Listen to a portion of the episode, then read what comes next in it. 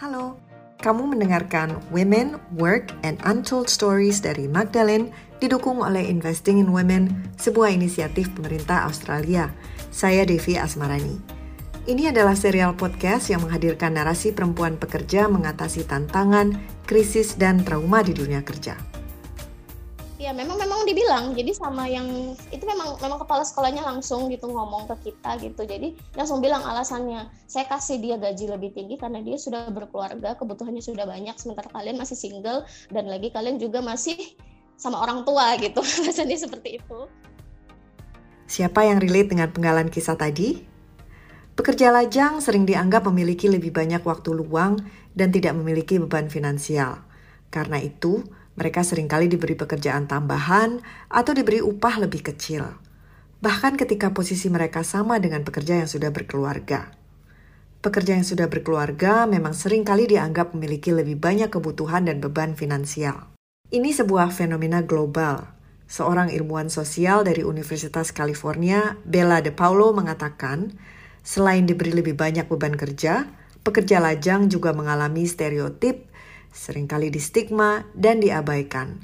Sementara, pekerja yang berkeluarga lebih sering didengar aspirasinya, terutama soal lembur, bekerja di luar kota, dan bekerja di hari libur. Semua ini tentunya adalah bentuk diskriminasi di tempat kerja. Bagi pekerja perempuan lajang, masalah ini menambah lapisan diskriminasi di tempat kerja lainnya, seperti ketimpangan gaji berdasarkan gender. Di episode ini, Anissa akan berbagi cerita ketika dirinya masih lajang dan berprofesi sebagai seorang guru. Kisahnya dibawakan oleh penyanyi dan aktris Leoni Fitria Hartanti. Halo, saya Anissa. Saat ini usiaku 31 tahun. Aku pernah punya pengalaman yang gak enak ketika dulu bekerja dan statusku masih lajang. Jadi ceritanya nih, aku tuh udah mulai bekerja ketika masih kuliah. Nah, karena kuliahku di bidang pendidikan, aku dan satu orang kawan mengajar di sebuah sekolah baru yang didirikan oleh Yayasan Panti Asuhan. Karena sekolah baru, jadi belum ada tuh staf atau pegawai tata usaha dan teknis lainnya yang mengurusi administrasi kantor. Belum ada penjaga, petugas kebersihan, dan petugas-petugas lainnya deh. Jadi sebagai guru, aku dan kawanku ini mengerjakan juga lah pekerjaan staff. Ya termasuk dari urusan bersih-bersih, urusan bersihin kelas, jadi bendahara. Pokoknya job kita tuh udah bukan double lagi tapi triple. Situasi itu sih coba ku terima aja ya, sebab kan sekolah itu emang masih baru. Lagi pula, tujuanku itu ingin belajar dan mengabdi. Aku pun gak masalah dengan gaji yang aku terima. Hingga kemudian masuklah satu tenaga pengajar lainnya yang diberi gaji lebih besar dari kami. Jadi kepala sekolah kami itu kan orangnya terbuka ya. Dia menjelaskan kepada kami soal rencana memberikan nominal gaji yang berbeda bagi guru baru itu.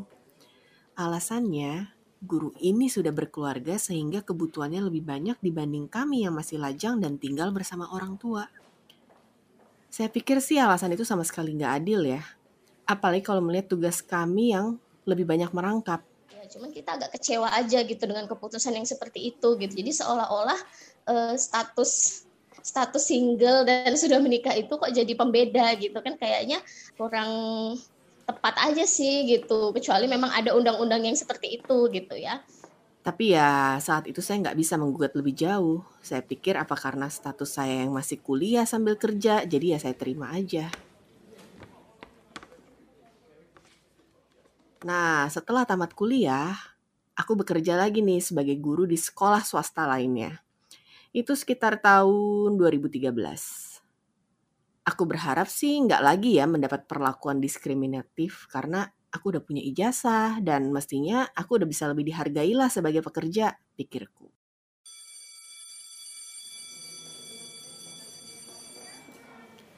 Nah, di sekolah itu aku tuh mengajar murid kelas 4. Berangkat pagi, pulang sore. Bobot mengajar kelas 4 ini memang berbeda dengan kelas 1 sampai kelas 3. Karena banyak muatan lokal, murid kelas 4 akan pulang lebih sore.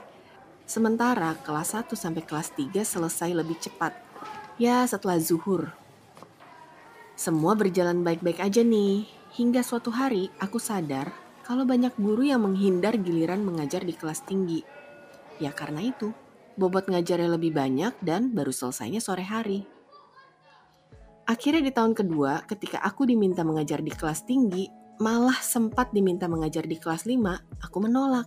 Aku sempat nolak karena uh, aku mikir kan, uh, yang lain itu dengan gaji yang lebih tinggi dari aku, mereka pulangnya cepet kan, jam ngajarnya juga nggak banyak.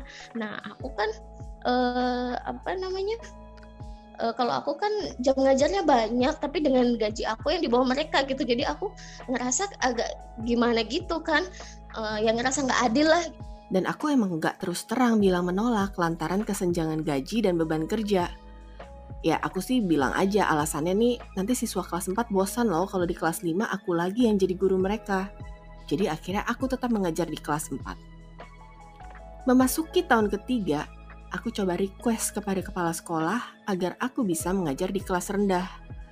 Aku minta ada giliran yang lebih adil karena sudah dua tahun aku pegang kelas tinggi.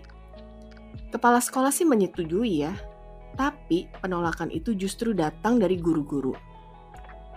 Mereka nggak mau mengajar di kelas tinggi dengan berbagai macam alasan. Ada yang mau program hamil, jadi nggak bisa capek katanya. Terus yang lain ada juga yang beralasan e, ada bayi yang harus diurus nih, jadi nggak bisa kerja sampai sore. Ada juga yang beralasan e, banyak kegiatan nih sepulang sekolah. Ya intinya guru-guru yang lain itu menolak, bahkan sampai ada yang ngambek pokoknya waktu itu sih sebenarnya aku nggak tega ya nggak tega. Apalagi kalau udah udah nyangkutinnya ke anak gitu kan punya anak nih gitu kan aku punya baby harus harus ngasih asi segala macam. Itu sebenarnya aku nggak tega gitu kan. Cuman aku mikir mau sampai kapan aku ngalah terus gitu kan? Uh, karena aku udah udah ngalah gitu bukannya waktu yang sebentar kan dua tahun gitu kan. Aku pulang sore terus gitu kan kemudian juga dengan dengan gaji aku yang di bawah mereka gitu. Jadi uh, apa ya ada adalah pasti selalunya tuh kadang tuh muncul gitu kayak kayak rasa iri gitu kan. Apalagi kan ya capek banget gitu kan sampai sore sampai sore terus gitu kan. Jadi makanya dari situ aku mikir e, kalau aku ngalah terus gitu mau sampai kapan? Mau sampai uh, apa tunggu aku sampai nikah dan punya anak juga gitu. Jadi aku bisa punya alasan yang sama untuk menghindar gitu kan. Nggak mungkin gitu kan. Apalagi kita nggak tahu kan kita kita nikah itu nanti di usia berapa dan kapan itu kan kita nggak tahu. Terus kalau aku misalnya single usia sekian sekian gitu masa aku bakal seperti itu terus gitu kan? Jadi waktu itu sih aku uh, bukannya apa ya bukannya kayak mau balas dendam atau apa gitu enggak. Cuman aku tuh lebih ke ya pengen ngerubah gitu pengen ngerubah supaya ada keadilan di situ gitu Nah, suatu hari kami ada pertemuan dengan wakil direktur pendidikan formal. Aku mencoba memberanikan diri menceritakan tentang kondisi yang menurut aku nggak adil itu. Ya aku bilang aja, Selama ini nggak ada guru yang mau memegang kelas tinggi sebab beban kerja dan waktu mengajarnya lebih banyak. Namun tidak ada kompensasi yang diberikan oleh pihak sekolah atas kelebihan jam kerja dan beban itu. Syukurlah ceritaku mendapatkan respon baik dan wakil direktur pendidikan formal mau menindaklanjuti soal itu.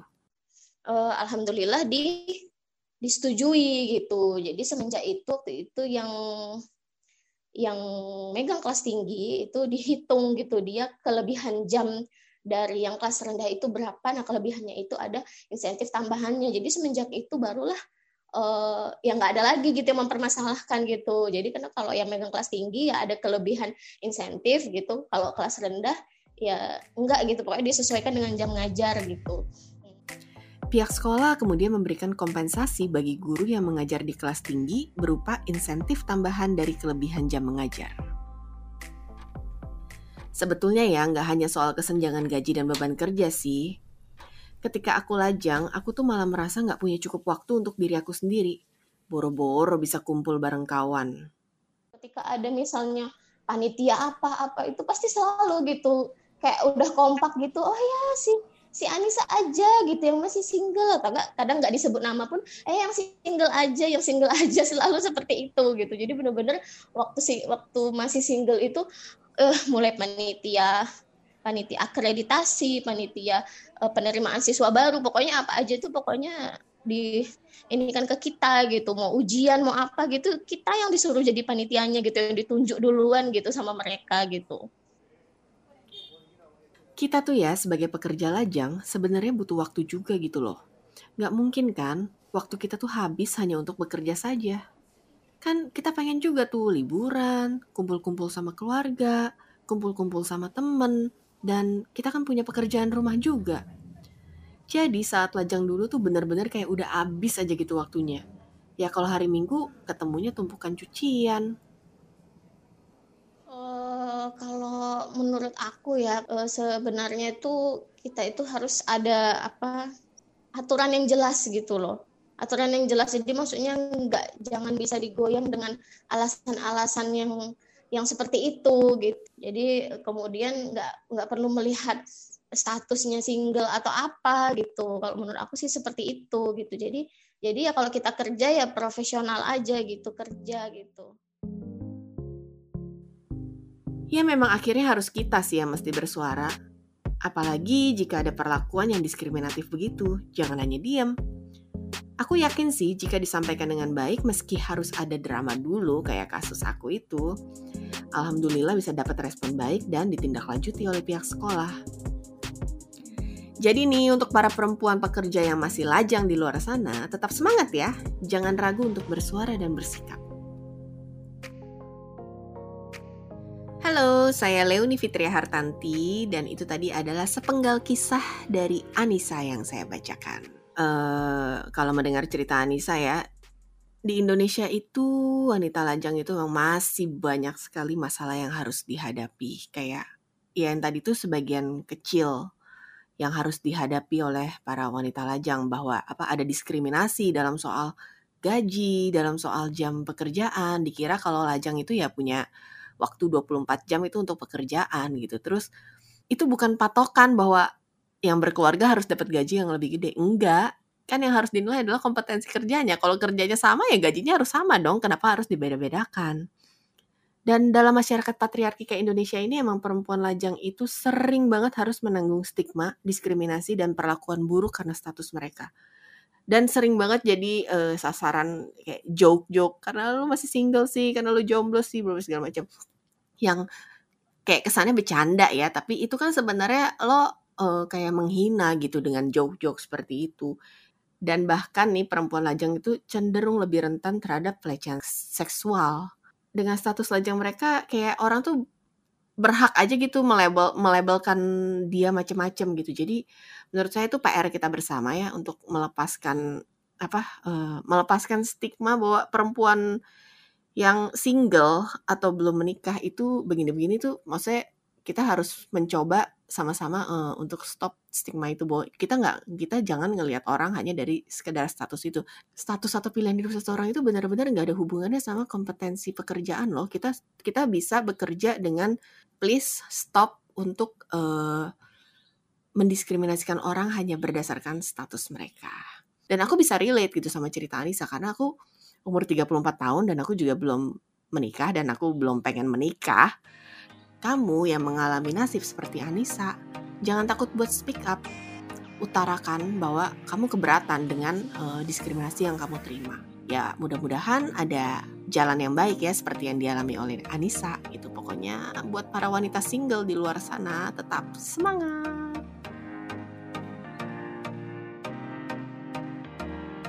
Sampai di sini dulu Women Work and Untold Stories dari Magdalene. Pekan depan akan hadir Rena yang mengalami pelecehan seksual di tempat kerja. Saya Devi Asmarani beserta produser Joan dan Elma Adisa. Sampai jumpa.